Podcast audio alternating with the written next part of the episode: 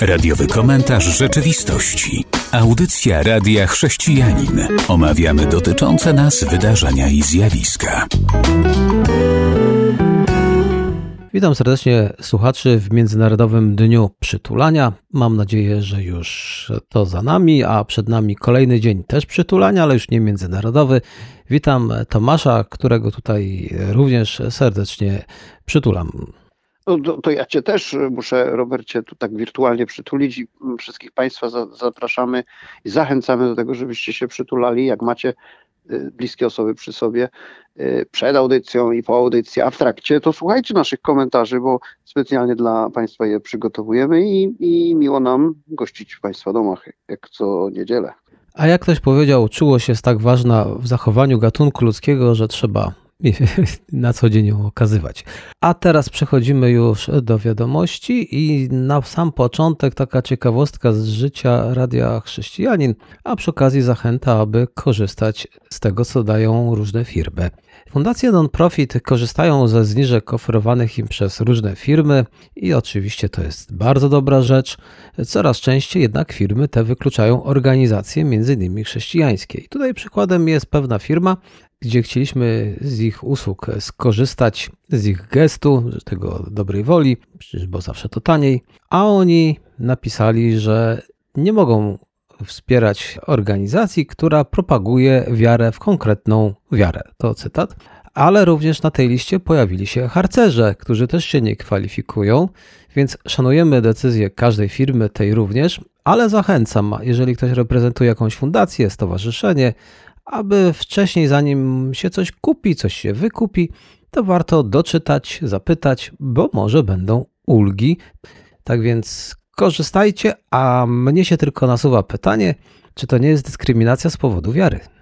Każdy ma prawo określać zasady tego, z kim handluje, czy mm, każdy producent, każda, każda, każdy podmiot gospodarczy. No, na tym polega wolność funkcjonowania. No, nie ma obowiązku wspierania tego czy innego. No, mnie to nie dziwi. Ważne jest tylko, żeby, żeby komunikacja była spójna i, i przejrzysta. No, ktoś ma prawo, nie wiem, no, jak jakiś chrześcijanin y, produkuje, ma firmę produkującą coś i określi, że nie wiem, nie chce nie chce, żeby jego produkty trafiały do rąk, y, nie wiem, wyznawców takiej czy innej y, religii. No, no, no, no trudno, no tak, tak, tak ma. No. nie, nie, nie dziwi mnie to. Chodzi tylko o to, żeby być uczciwym w, w, w komunikowaniu, jasnym, wyraźnym nie powinno tak być w przypadku na pewno jakichś mm, jednostek publicznych. Tak, wolny rynek, wolny rynek zdecydowali. W każdym razie nadal się cieszę, że. Ich sprawa. Tak, ich sprawa, nadal się cieszę, że inni mogą skorzystać. A teraz przechodzimy już do wiadomości z kraju. Jak podaje serwis ekumenizm.pl, na murach odgradzających teren ewangelicko-habsburskiego Kościoła Pokoju w Świdnicy pojawiły się wulgarne napisy o zabarwieniu politycznym skierowane przeciwko obozowi, który właśnie w tej chwili u nas w Polsce przejął władzę. A przecież jest to unikatowy na skalę europejską Kościół Pokoju. Tak naprawdę to wiele informacji na ten temat znajdziemy w biurach podróży, bo każde biuro podróży opisuje ten kościół, bo jest to wizytówka Dolnego Śląska, jest nawet wpisane na listę UNESCO. Nie ucierpiał. No właśnie, światowe, nawet nie europejskie, to jest światowe dziedzictwo kultury. Nie ucierpiał od e, innych, ale od Polaków, czyli wojna oszczędziła ten kościół. I to nie jedna. Prawda? A tutaj przyszli jacyś ludzie i na murze, który też jest y, historycznym, zostawili wulgarne napisy. No jak tak można? No w ogóle zostawianie wulgarnych napisów, y, czy jakichkolwiek napisów, które no jakby niszczą, y, uszkadzają jakieś dzieło kultury, albo czyjąś w ogóle własność, no jest co najmniej niekulturalne, jeśli nie, nie jest łamaniem prawa, dewastacją, niszczeniem. Y, no tutaj o tyle się należy cieszyć, że, że nie, nie uszkodzono samego, samego kościoła, bo, bo to drewniana już bez mała 300, no 370, około 370-letnia świątynia Tutaj słuchaczom należy się króciutka lekcja historii. Świątynia pokoju, właściwie zostały nam już tylko dwie takie świątynie, kościoły pokoju, właściwie kościoły pokoju. To chodzi o pokój westfalski, który kończył wojnę 30-letnią, jedną z największych, najtragiczniejszych wojen y, czasów dawnych, to, to, jest, to są lata 1618-48, potężny konflikt e, ogólnoeuropejski e, na podłożu religijnym. Skończył się właśnie pokojem westfalskim, który, który y, no, uspokoił sytuację w Europie i, i troszeczkę polepszył kondycję y, mniejszości wyznaniowych na, na kontynencie europejskim, no, ale niestety w krajach katolickich y, y, protestanci no, nie mieli się za dobrze i, i na odwrót, y, a Śląsk wtedy należał do, do korony czeskiej, którą władali austriaccy arcykatolicy Habsburgowie.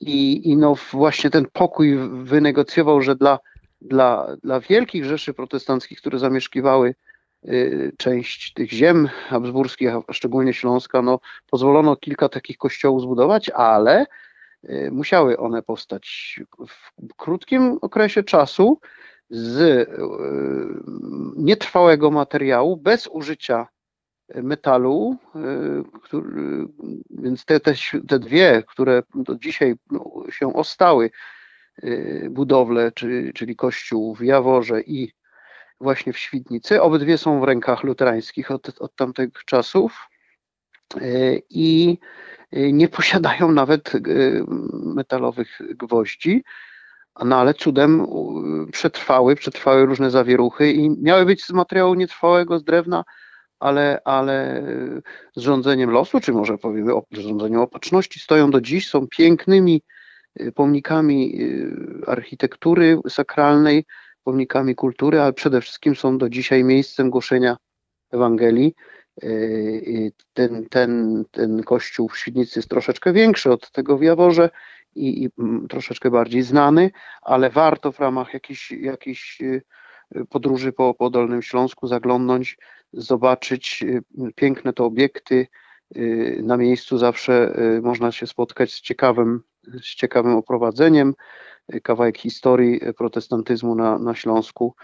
Y, no i, i szkoda, że, że ktoś nie szanuje tej, tej, tej historii, tej kultury, tego dziedzictwa y, i, i, i bazgrze tam różne brzydkie rzeczy.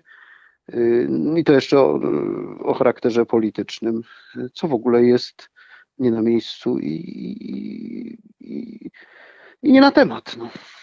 Jako ciekawostkę tylko powiem, że ten kościół w Świdnicy mógł pomieścić wtedy 7 tysięcy wiernych to mówiąc szczerze, naprawdę dużo.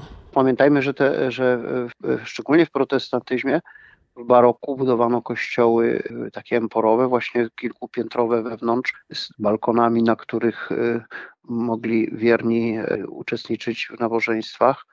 Bo też no, inna jest formuła nabożeństwa protestanckiego, a inna katolickiego, więc przede wszystkim by wierni mogli słyszeć głoszone, głoszone Słowo Boże, kazanie, więc akustyka tych kościołów była najważniejsza, a, a nie tyle e, skupienie uwagi wiernych na, na, jakichś, e, na jakichś przedmiotach kultu religijnego, bo tu chodziło raczej o to, żeby słyszeć, słyszeć, widzieć tego kaznodzieję i słyszeć to, co on ma do powiedzenia. Więc, więc w bardzo wielu e, kościołach protestanckich budowanych w tamtych czasach spotkamy się właśnie z tymi kilkupiętrowymi balkonami, emporami tak zwanymi.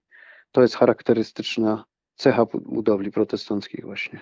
A zanim zaproszę słuchaczy do wysłuchania utworu muzycznego, to jeszcze dodam, że tam było takie zalecenie, aby rzeczywiście był wzniesiony jedynie z materiałów nietrwałych, ale także nie wolno było go tak budować, aby przypominał kształt tradycyjnych budynków sakralnych. Tak, bez wieży, wejście od, gdzieś od tyłu, y, strzał armatni od bram miasta, czyli nie za blisko z miasta. No miasto się na szczęście rozrosło i, i obecnie y, ten, ten kościół stoi w, w centrum Świdnicy.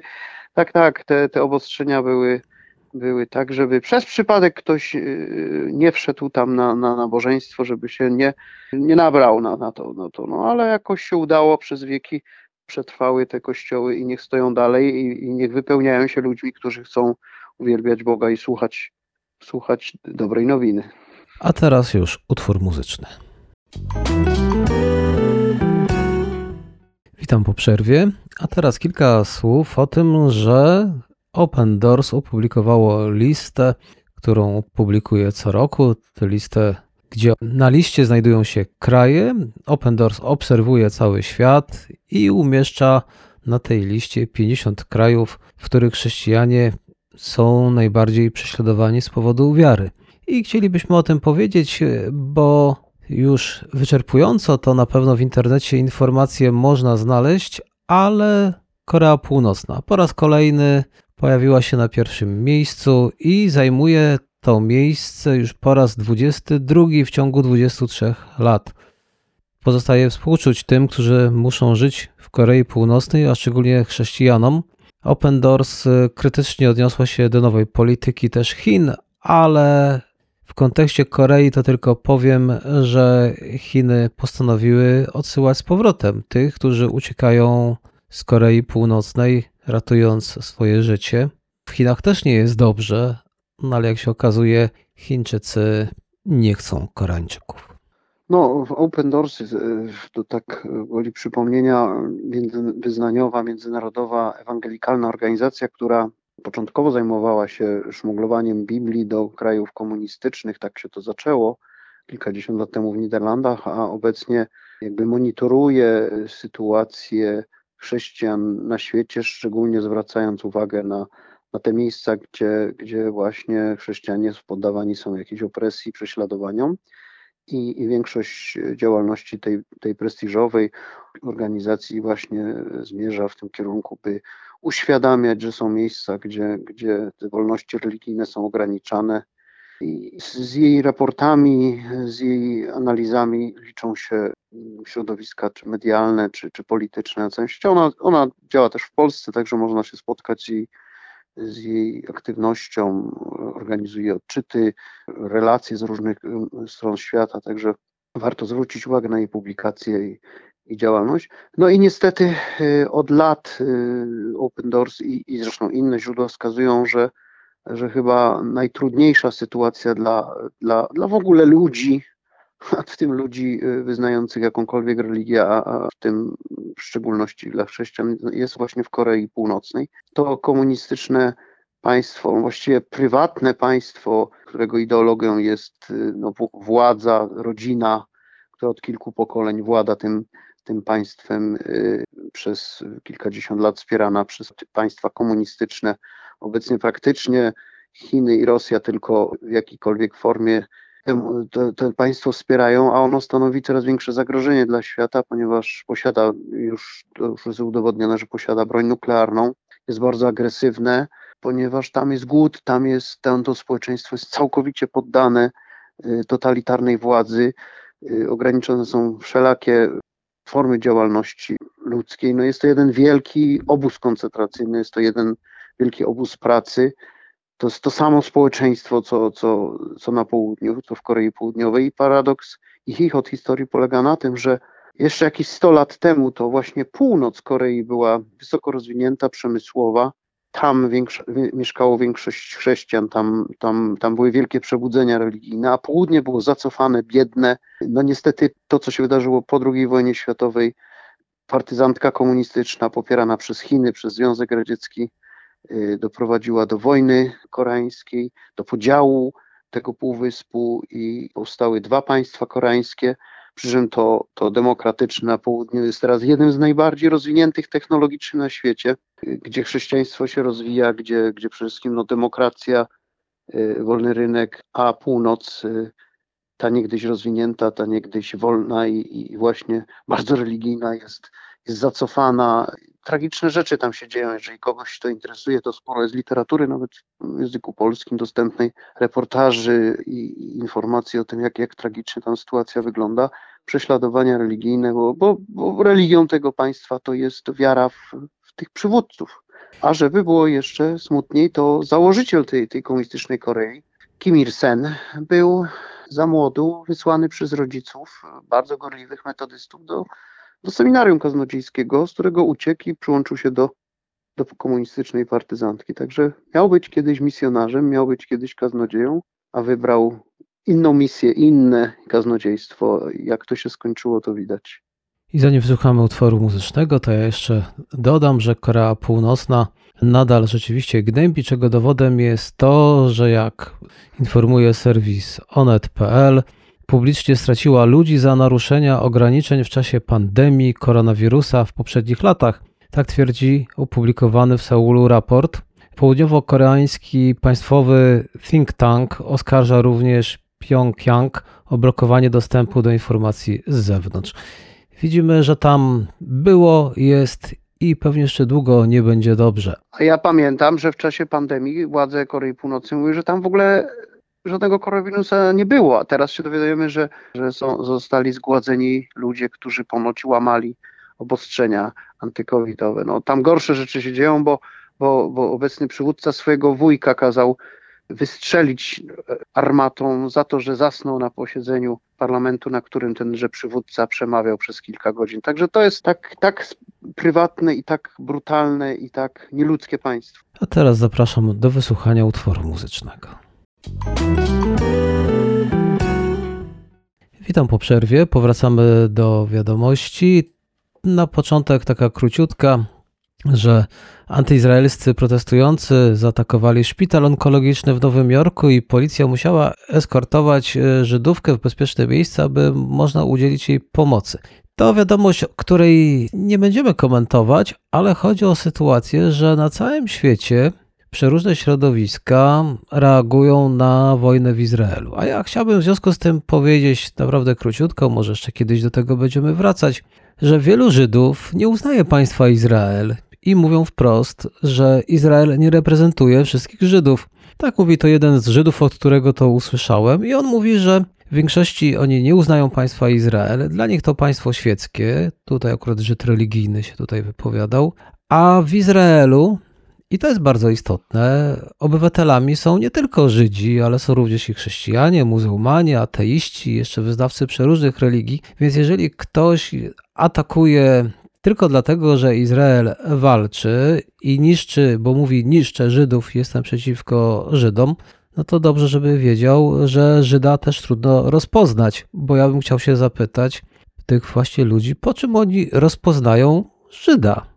Żydzi są również czarni, biali, Żydzi są w różnych narodach, bo jak to mawia właśnie pewien Żyd, Żydzi to nie rasa. On mówi rasa, to faszyści powiedzieli i określili, że Żydzi to rasa. Żydzi to są wierzący na, w różnych krajach o różnym kolorze skóry. Tak więc przy okazji chciałem o tym powiedzieć. Pamiętajmy, że w języku polskim, no jak piszemy Żyd z dużej litery, to chodzi nam o narodowość, a jak piszemy Żyd z małej litery, to chodzi nam o wyznawcę judaizmu. Często się to myli, często się to miesza. Jeszcze są Izraelczycy jako obywatele państwa Izraela. No, to są większy, w połowie to są Żydzi, a w połowie to są Arabowie, także bardziej to jest złożone. A do największych przeciwników Izraela jako państwa, tak jak wspomniałeś, należą nie tylko w zdecydowanej większości muzułmanie, a szczególnie Arabowie, ze zrozumiałych względów, ale właśnie najbardziej prawicowi, najskrajniejsi wyznawcy judaizmu. W judaizmie są, są ugrupowania religijne, które sprzeciwiają się istnieniu państwa Izrael, bo ono powinno powstać wtedy, tak mówią, kiedy przyjdzie Mesjasz. Żeby było wesoło, większość z nich w ogóle mieszka w tym Izraelu i korzysta z, z tego funkcjonującego tam państwa, z jego, z jego zapomóg społecznych, z jego wszystkich urządzeń, ale neguje je i bojkotuje. No, także świat jest bardzo złożony. Ważne jest tylko, żeby ludzie rozwiązywali swoje problemy w sposób pokojowy, nie mordowali się nawzajem, a szczególnie Bogu ducha winnych, dzieci, starców i tak dalej. Także tutaj do wszystkich zaangażowanych apel, by, by jak najszybciej zakończyć tą tragiczną wojnę, a chrześcijanie niech się modlą, by, by, by Duch Święty oświecał wszystkich, którzy w, to są zaangażowani, by jak najszybciej przemoc została zastąpiona rozwagą, dialogiem, poszukiwaniem pokoju i rozwiązywania problemów w drodze nieagresywnej. A teraz przechodzimy do kolejnej informacji. W pewnym to czasopiśmie pani Matejko napisała artykuł, informuje, że liczba katolików w Argentynie maleje. Wierni w ojczyźnie Franciszka przechodzą do nowych kościołów ewangelikalnych lub odchodzą od katolicyzmu po cichu i nieformalnie, tutaj cytuję. Więc widzimy, że liczba katolików z roku na rok jest coraz mniejsza, przybywa tam ewangelikalnych chrześcijan, a papież wciąż popularny, choć w Polsce nie aż tak bardzo lubiany, jakby pewnie chciał. Tutaj, jeśli chodzi o dane, to powiemy, że w spisie ludności z 1960 roku, który zawierał pytanie o religię, liczba zadeklarowanych katolików wynosiła 90%. Według krajowego badania przekonań i postaw religijnych przeprowadzonego w 2019 roku liczba katolików spadła do 63%, a to prawie 30 punktów w ciągu 60 lat. O jedną trzecią. No tu Argentyna y, pokazuje tendencję, którą widać w całej Ameryce Łacińskiej, od, od Meksyku na północy aż po właśnie Chile, Argentynę na południu, niemal w każdym kraju tego, tego kontynentu, czy tego, tej, tej, tej, tego kulturowego kontynentu w Ameryce, o historycznie bardzo silnych, y, silnej obecności katolicyzmu. Y, no w ostatnich szczególnie 30 paru lat, 40 latach następują potężne zmiany przynależności religijnej. Są kraje, tutaj Brazylia chyba najbardziej i niektóre państwa y, Ameryki Środkowej, Nicaragua, Gwatemala, Salwador, gdzie, gdzie ten procentowy udział protestantyzmu w społeczeństwie skoczył z, z 1% na początku XX wieku do 30 kilku, chyba 40% w, w dobie obecnej. Właśnie Argentyna, Brazylia, Meksyk to chyba już po 20% społeczeństwa. To są potężne liczby i, i, i większość, większość, zdecydowana większość tych protestantów to są, to są protestanci ewangelikalni e, z, z najsilniejszą obecnością e, środowisk pentekostalnych i charyzmatycznych. Od lat 80. socjolodzy religii, obserwatorzy tego, e, tego zjawiska mówią wręcz o o rewolucji e, ewangelikalnej czy pentekostalnej w Ameryce Łacińskiej. I tutaj Argentyna wpisuje się właśnie w tą tendencję. No, Kościół katolicki traci tam e, z kilku powodów. Sekularyzacja, bo szeregi Kościoła katolickiego opuszczają osoby nie tylko e, się protestantyzujące, ale, ale też ateizujące lub stające się wyznawcami jakichś nowych ruchów religijnych. W Brazylii szczególnie to widać, gdzie gdzie ludność historycznie niewolnicza, która przewożona była z, z, z kontynentu afrykańskiego, stworzyła tam takie, takie, takie synkretyczne, no właściwie nowe religie, bo jest to mieszanka tych, tych pierwotnych wierzeń afrykańskich właśnie z elementami katolicyzmu i, i jakimiś innymi. Także to, to też jest jakieś wyzwanie dla katolicyzmu, no ale natomiast największym jest, jest właśnie protestantyzm. I to widać, jak te liczby rosną, szczególnie właśnie od lat 80.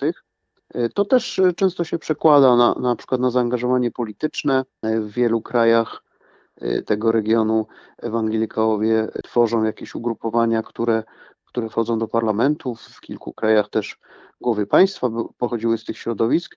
Nierzadko wiążą się ze, ze skrajnymi prawicowymi ugrupowaniami, ale w swej zdecydowanej masie popierają to, co w katolicyzmie nazywamy teologią wyzwolenia, czyli postulaty dowartościowania tych, tych grup społecznych, które przez, przez wieki praktycznie były tam, e, były tam poddawane wielkiej opresji, e, tak kościoła katolickiego, jak wielkich latyfundystów, wielkich właścicieli ziemskich, ludności rodzimej. Także są to bardzo ciekawe zmiany, nie tylko religijne, ale socjologiczne i warto się temu przyglądać. Niestety w Polsce niewiele mamy na ten temat literatury, która by to opisywała. No, wiadomo, że w, w tamtym kręgu kulturowym, czy w świecie anglosaskim sporo tego, tego o tym można poczytać, ale to, to są dynamiczne, dynamiczne zmiany i jeżeli one będą się toczyły z, z taką prędkością, to kilka dekad no, Ameryka Łacińska może być w większości protestancka, a nie katolicka. Także warto brać może z tego przykład. A teraz zapraszam na krótką przerwę muzyczną, a potem jeszcze jedna wiadomość tym razem historyczna. Jesteśmy już w ostatniej części. Wydaje mi się, że będzie to już krótka część. Chciałbym wspomnieć o Jerzym Spalatinie, dlatego że w minionym tygodniu była rocznica jego śmierci. 16 stycznia w 1545 roku zmarł tuż przed swoimi 61 urodzinami. I tutaj już poproszę Tomasza, aby powiedział nam kilka słów o nim, tak jakbyśmy się mogli dowiedzieć, bo podejrzewam, że większość z naszych słuchaczy nie wie, kim był. Jerzy Spalatyn to, to jak w tamtej epoce często bywało, to jego był pseudonim, bo nazywał się Burkhardt, ale pochodził z takiej miejscowości zlatynizowanej w formie właśnie taką, taką przyjął nazwisko. Był wszystkim humanistą, to rówieśnik niemalże Marcina Lutra, zresztą jego też e, współpracownik i przyjaciel. Postać o tyle ciekawa, bo pokazuje, jak ważną rolę w, częstokroć odgrywają osoby tak zwanego drugiego planu, bo nie należał on ani do wielkich przywódców reformacji, ani nie był jakimś wielkim politykiem. Był sobie skromnym humanistą, no, skromnym w cudzysłowie właśnie, który poprzez e, swą osobowość, swoją wiedzę i pozycję, jaką zajmował na dworze elektora saskiego, był, moglibyśmy powiedzieć, lobbystą. Lobbował na rzecz właśnie humanizmu, renesansu i, i, i zmian kulturowych i właśnie nowinek religijnych, właśnie nazwanych później reformacją. Wiedział, jak i kiedy szeptać do ucha swojego jednego czy drugiego pryncypała i podpowiadać mądre rozwiązania, co poskutkowało tym, że właśnie lektorzy sascy stawali się Fryderyk Mądry, chyba naj, naj, najważniejszy dla rozwoju reformacji, sam do końca życia został katolikiem, a był dlatego tego potomni nazwali mądrym, że był na tyle otwartym i słuchał między innymi z Palatyna, y, że dzięki temu Marcin Luther mógł na przykład na zamku w Wartburgu przetłumaczyć Nowy Testament, mógł być chroniony przed, przed wyrokami y, cesarskimi i nie skończyć jak, jak wielu heretyków na stosie czy w więzieniu, ale to dzieło reformacji mogło, mogło się rozwijać. To w dużej mierze zasługa Spalatyna, który dobrze podpowiadał elektorom i wywarł swoją postawą, swoją wiedzą wpływ na, na, na, na rozwój reformacji, szczególnie luterańskiej. Miał wpływ na artykuły szmalkalskie, między innymi na, na inne ważne wydarzenia i, i teksty, które, które przyczyniły się do rozwoju luteranizmu w Rzeszy Niemieckiej i szerzej w Europie. Także wspominamy tego w styczniu, takiej urodziny, jak, jak i datę śmierci tego, tego człowieka drugiego planu, wpływowego lobbysty Jerzego Spalatyna. Czyli jak to mówią, był urzędnikiem na dworze królewskim Saksonii, no ale dobrze, przysłużył się dobrze, kiedy są mądrzy przywódcy, tutaj Fryderyk Mądry, że pozwala... Mądry przywódca ma wszystkich mądrych doradców, tak, tak, to, tak to jest. I, i, to, I właśnie elektora nazwano mądrym, ale ta mądro, tą mądrość zawdzięczał też mądremu Spalatynowi. I tą wiadomością kończymy nasze dzisiejsze spotkanie. Dziękuję serdecznie wszystkim za uwagę. Do usłyszenia. Do usłyszenia, żegnamy Państwa. Był to radiowy komentarz rzeczywistości.